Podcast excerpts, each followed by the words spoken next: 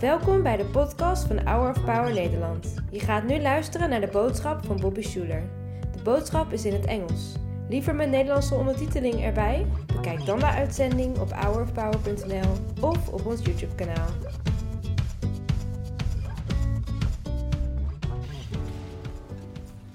You know, life can be hard at times. The hardest thing in life are the weird curveballs that it will throw at you. Things you never thought would happen. Very often it's a challenge, it's a mountain, it's a sick kid, it's a, a terrible breakup or divorce that you didn't think would happen, it's a business, and sometimes it's an enemy. Sometimes it's a next door neighbor. Sometimes it's a lawsuit. Sometimes it's a, a, a, kind of like a political rival at your school or business. Or maybe it's a competitor. Or maybe it's a social competitor who lies about you. And now you feel like you have to defend yourself against this betrayal. And all through life, we have these things that happen to us. And usually the feeling that we have is either something like, I wish this wasn't happening to me, or this is so unfair. And we ask questions like, What did I ever do to deserve this? And though I can't always explain why these hard things come in life, I can make you a promise that one, God loves you so much. He is, it is so, I just want you to understand God is so for you and not against you. He is so on your side. And when you face tough enemies, when you face strong enemies, I want to make you a promise God's going to give you a strong friend. God's going to put someone in your life to help you get through that tough time. That person, you, you may not have known them before this trial, but very often in life, I have seen that God in His goodness, and I don't just mean His Holy Spirit, and it is that, He is going to put someone in your life to help you get through this thing together. I think the only thing that's worse than suffering is suffering alone. God knows that. And He's going to put someone in your life to carry you through. We are social beings. And so much of the pain and suffering we experience in life, so many of the sleepless nights that we feel, have to do with our loneliness or our relationships or feeling like one of those things will be threatened. Can I tell you something? God loves you so much, and He has not called you to be alone. Yeah, some of you won't be married, and that's fine. You don't have to be married. But that doesn't mean you need to be alone. God has good friends, colleagues, and brothers and sisters in the Lord who will feel like family even though they're not kin. And these are some of the most important people. God has these people in mind for you because He loves you. Not long ago, you know, I get up super early in the morning, and uh, I was at a Starbucks not far from our house. I was sitting in the corner drinking my coffee, kind of like Strider in Lord of the Rings, kind of like I don't think anybody really knew I was there. And there were three young women who were manning the fort. They were serving the coffee, and most, most there weren't really many customers coming through, so they were just you know separating things and labeling things and prepping the food and the coffee and such. And I was over in the corner with my book. And then a man came in. He was a big man, and he was a loud man. And as he came in, he said something like I don't remember what he said, but something like. Good morning, it's a good day for coffee, or something like this. And instantly my spidey senses went up, you know what I mean? And I went, like, like this, you know? And it was one of those things where I was like, instantly, I do not like this guy. This was a few days ago, okay? So, as much as I talk about loving people, it's a struggle. I was like, I don't like this person. And instead of looking down at my book, the book came up to me like this. You know, where you're like doing this thing, like real, because it's just three young women, you know? And this big dude. And he's really loud. And he's like kind of positive, but in a creepy way. It's weird. I get accused of that sometimes. Anyway, so he's talking, and I'm like kind of a little bit concerned and, and dislike this person because he seems like he could be a threat. And then one of the girls comes over and starts talking to him. And she's being nice to him, and he's kind of still being loud. I can hear everything he's saying. He's using the word bro a lot, and he's saying all this stuff.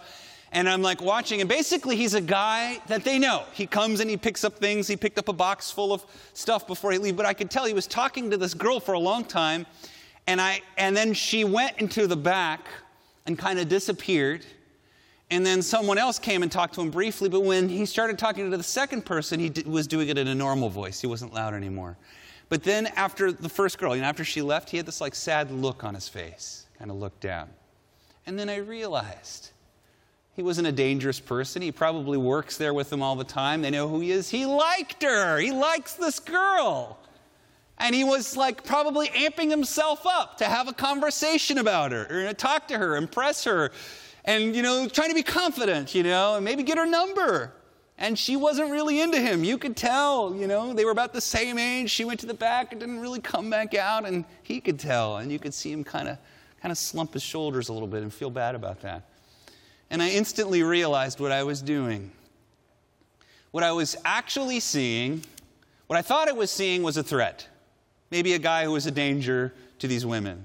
And I was picturing myself in this weird, soldierly, stupid way, you know? But what was actually happening was a young guy who knew this girl and was nervous and wanted to talk to her. But you see how when we feel threatened by someone, or when somebody spooks the horses, as it were, it's very hard to see what's really happening.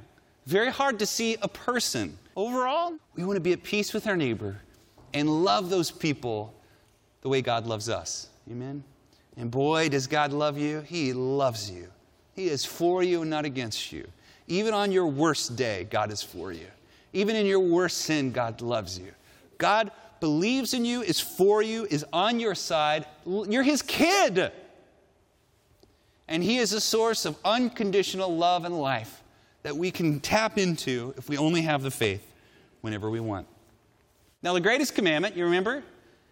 Love the Lord with all your heart and all your soul and all your mind and all your strength and second to this, everybody say second to this, love your neighbor as yourself. Now, if we just do this, we've got it. We've got the whole thing. It's easy to understand, but it's hard to do. It's hard to love the Lord sometimes, and it's hard to feel loved by God sometimes. It's hard to believe in God sometimes. It's hard to see your neighbor as a real person sometimes. But when we can lean into these things, God offers us the kind of quality of life that we look for in so many other things. It's right there. It's right there.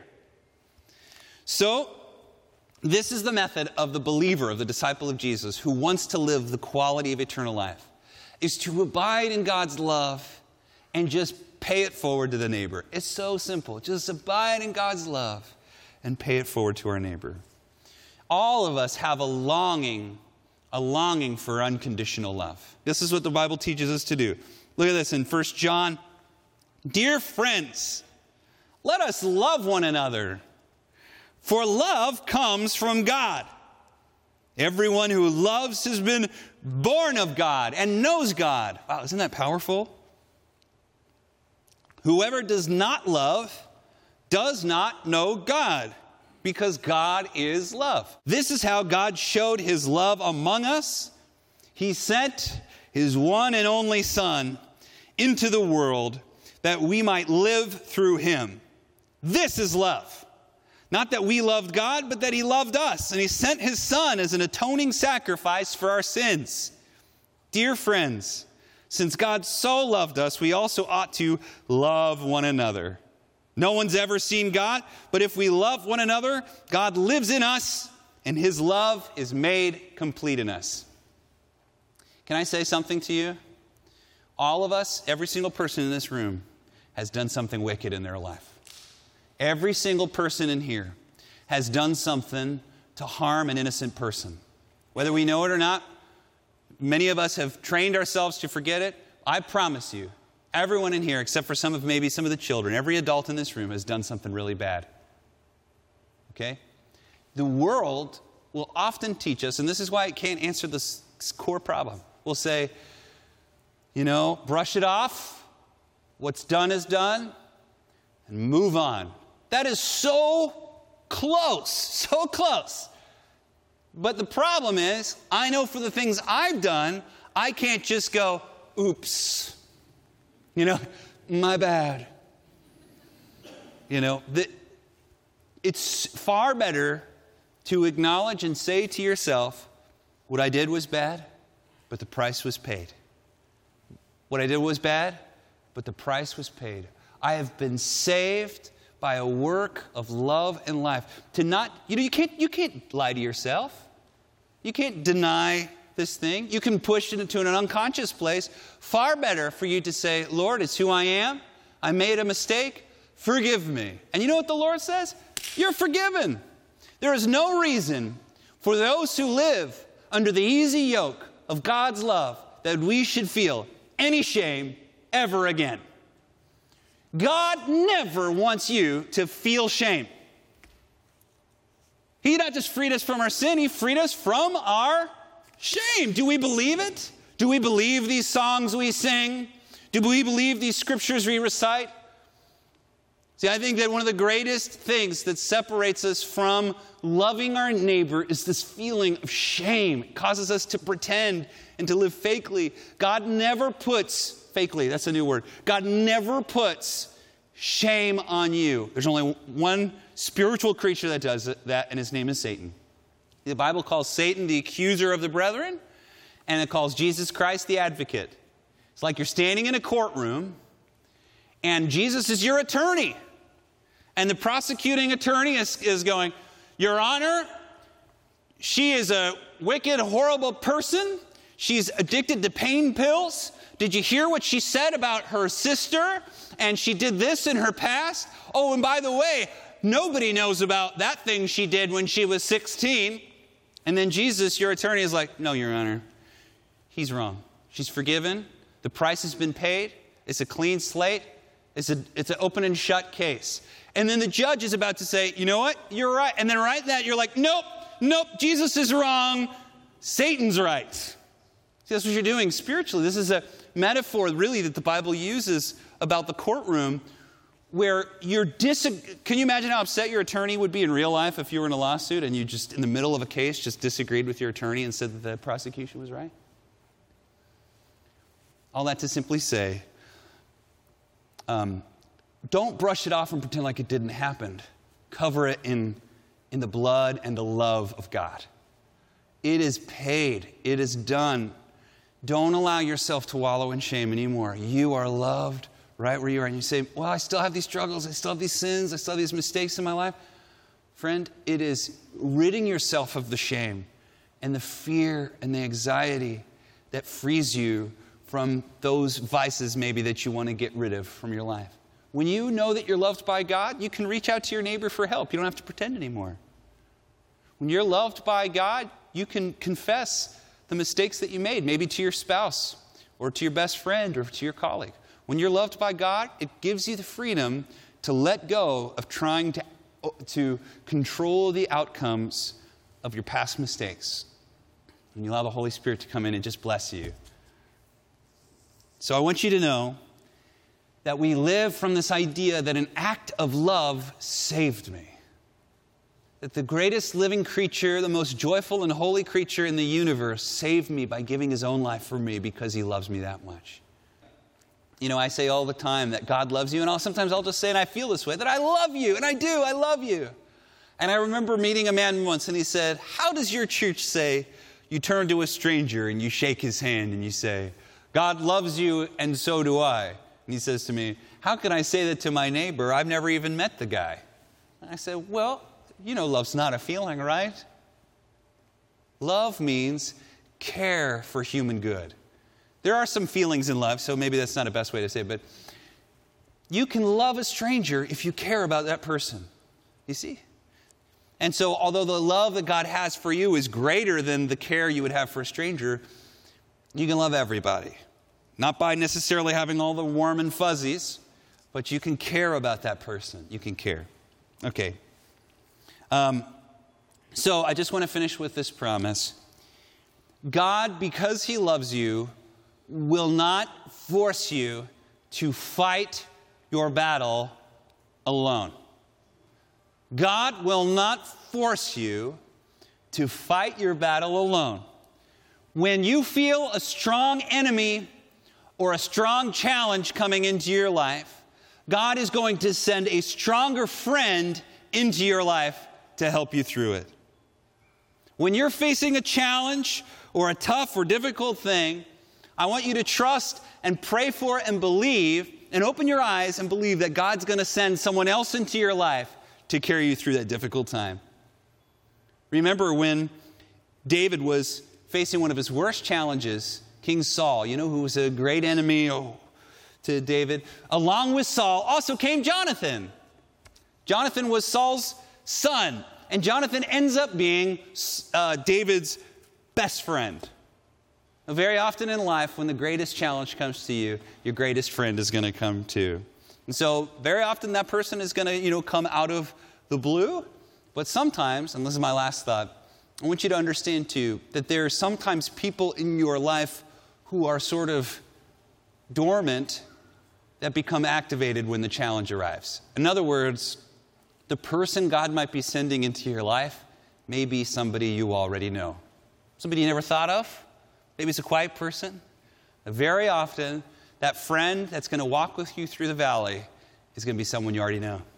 Sometimes it's someone like a spouse or someone like that, that, that, that it's weird how when you're in a relationship, a challenge can cause you to be closer to each other. That might be coming for you.